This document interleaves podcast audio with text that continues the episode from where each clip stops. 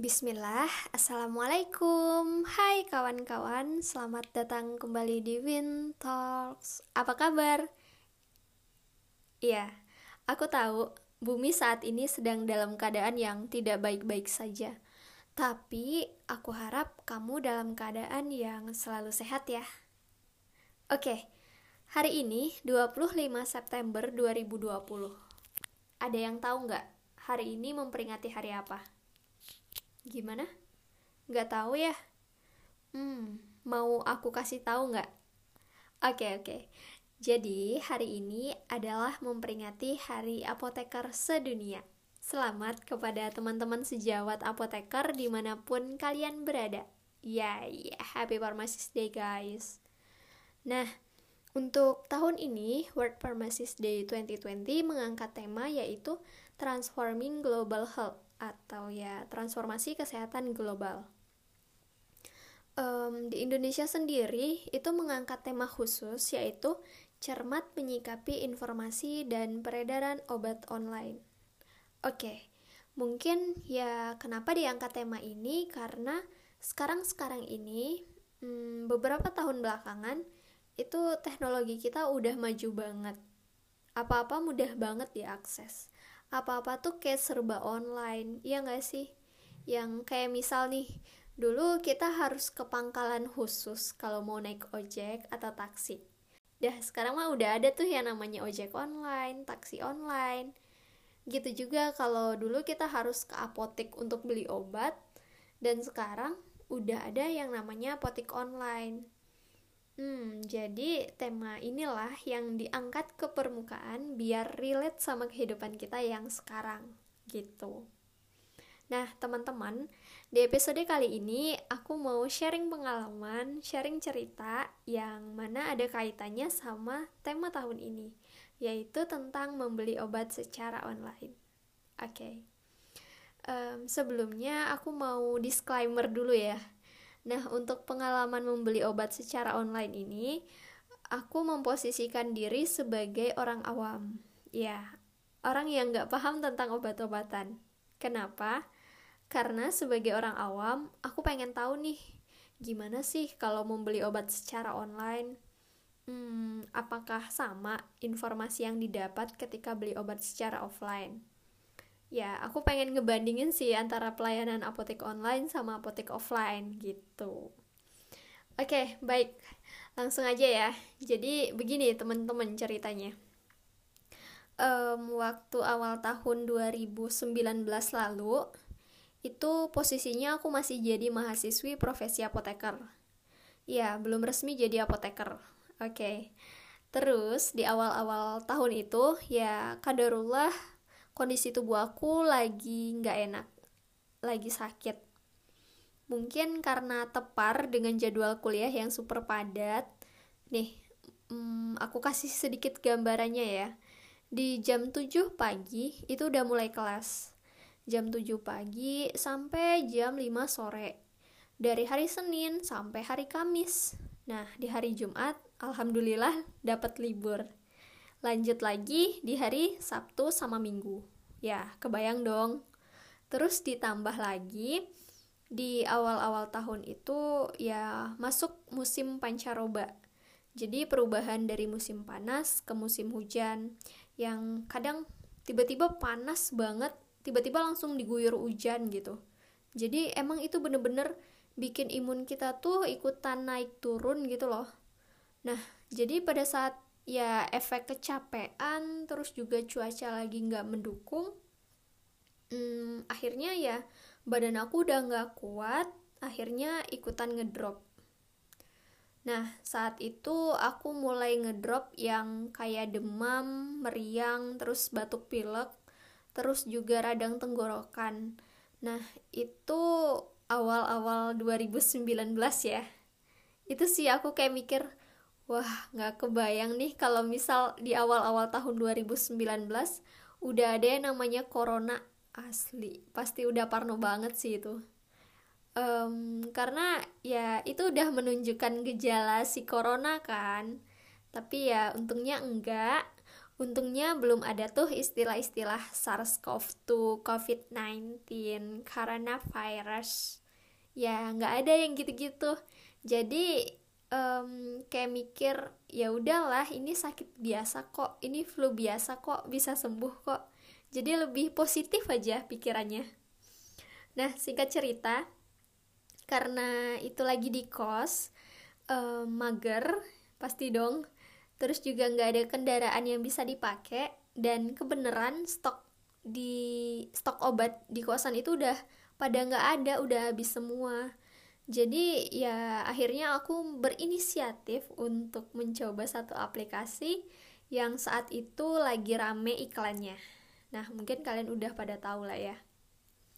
Yaitu satu aplikasi yang bisa digunakan untuk membeli obat secara online. Um, di situ ya untuk pertama kalinya aku mendownload aplikasinya buat akun dan ya kurang lebih sama sih seperti aplikasi-aplikasi belanja online pada umumnya yang e-commerce e-commerce kayak Shopee, Lazada, Tokopedia gitu-gitu. Cuma ya ini emang fokusnya ke obat.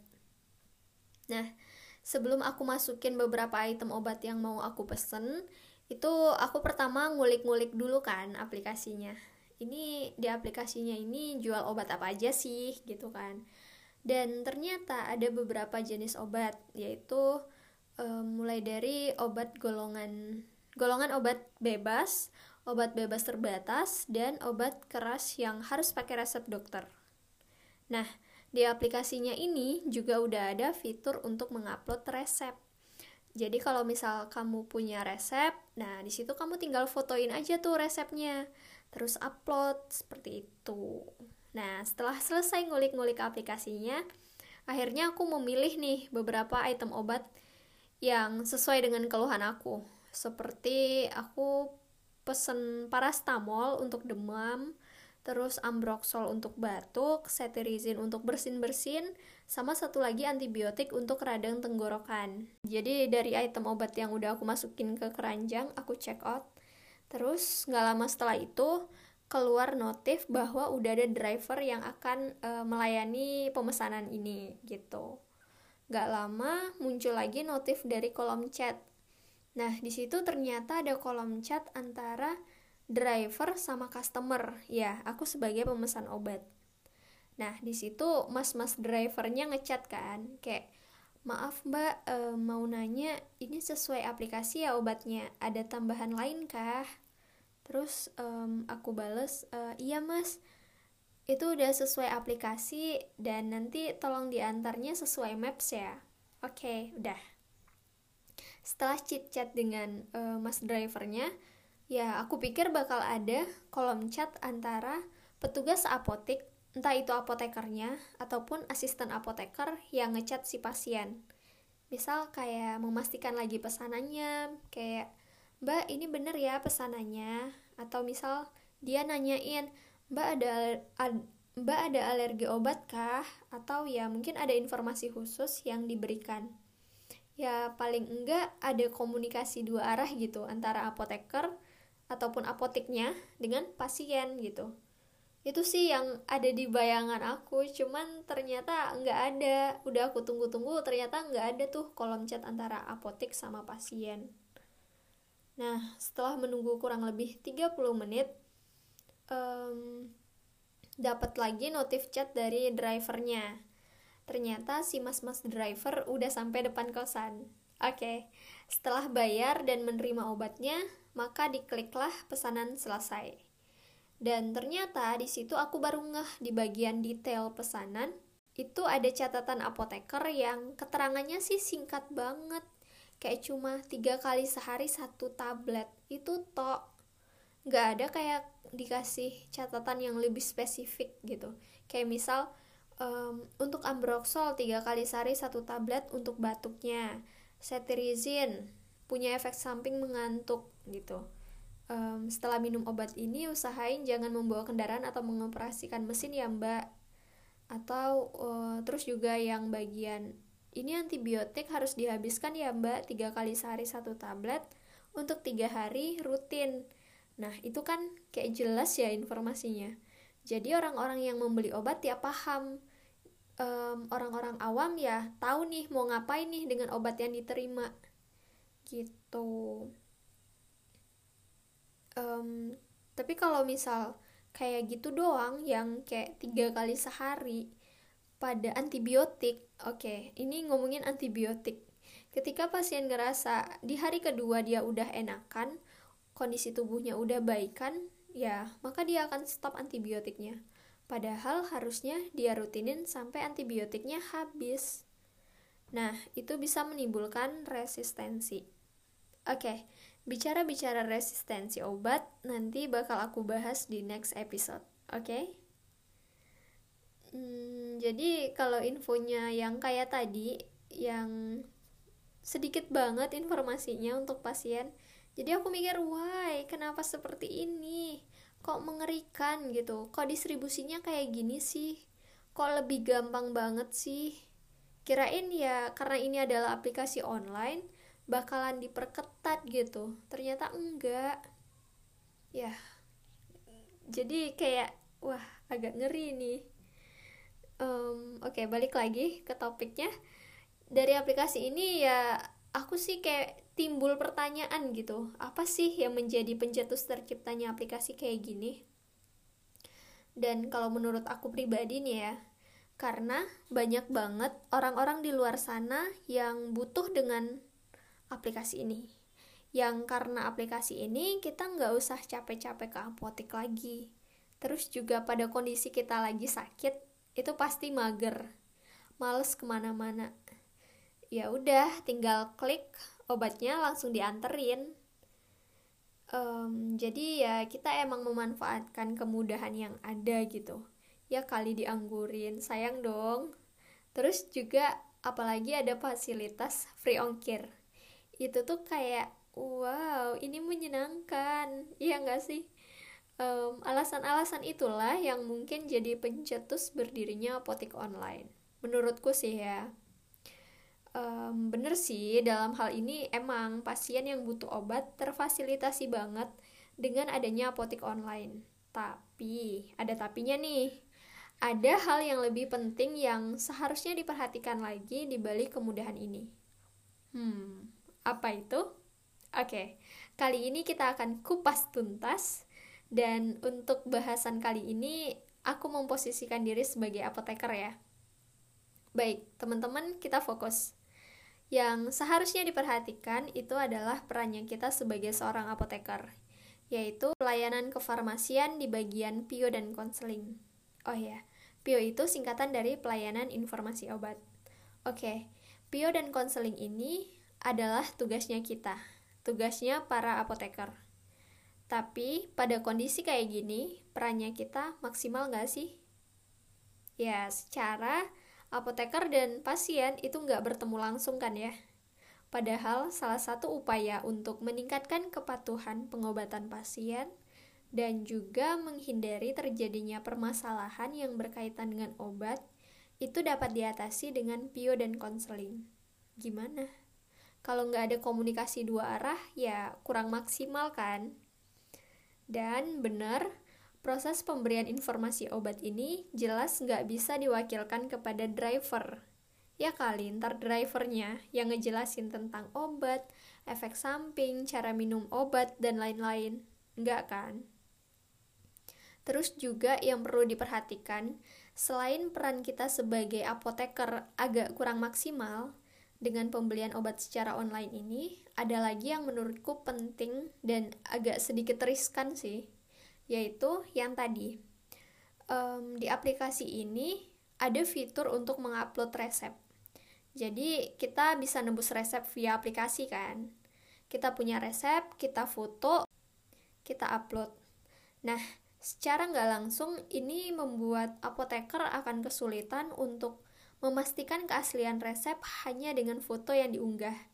Karena ketika kita hanya melihat foto kita nggak tahu nih ini beneran asli apa palsu ya apalagi kan di zaman yang dengan berbagai aplikasi editing itu tuh bisa banget resep dipalsuin ya beneran dah nih kalau nggak percaya coba aja kamu search um, how to make a fake prescription. Nah, di situ bakal banyak banget metode, tips, dan trik untuk memalsukan resep. Nah, bisa aja nih ada oknum-oknum nakal yang memanfaatkan kemudahan ini untuk penyalahgunaan obat. Ya, contohnya kayak narkotika, psikotropika gitu. Atau dalam kasus lain yang berhubungan dengan resep, nih, misal pasien nebus resep di aplikasi yang hanya dengan foto resep lalu upload. Nah, resep aslinya tetap di pasien kan? Bisa jadi celah untuk oknum tertentu yang melakukan penebusan resep berulang. Andai ketika pasien merasa sakit di kemudian hari, bisa jadi pasien menebus resep asli yang sama tanpa ke dokter terlebih dahulu. Padahal kondisi sakitnya bisa jadi beda dan obatnya pun akan berbeda itu sih um, dari pengalaman ini aku melihat uh, banyak positifnya tapi ada juga negatifnya dari belanja obat secara online.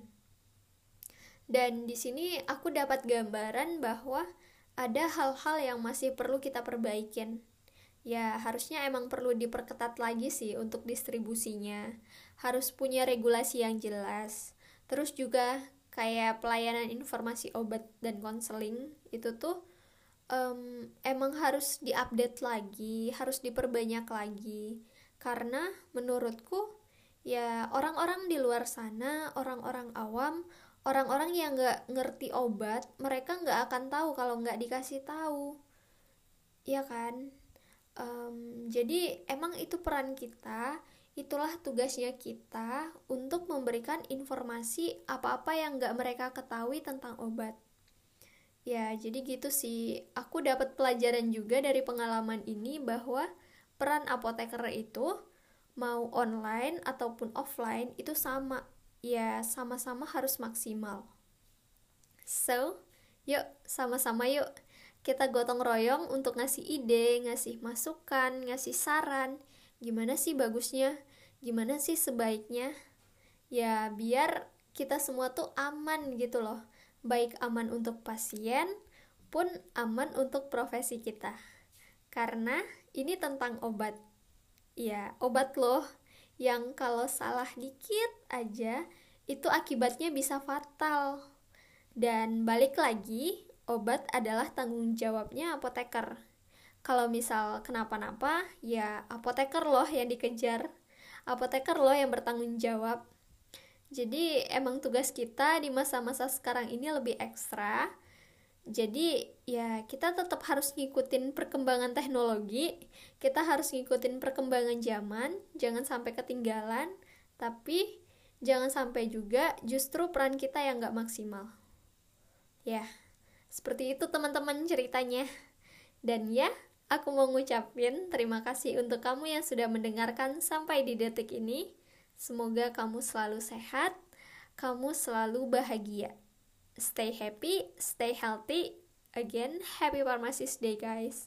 Wassalamualaikum.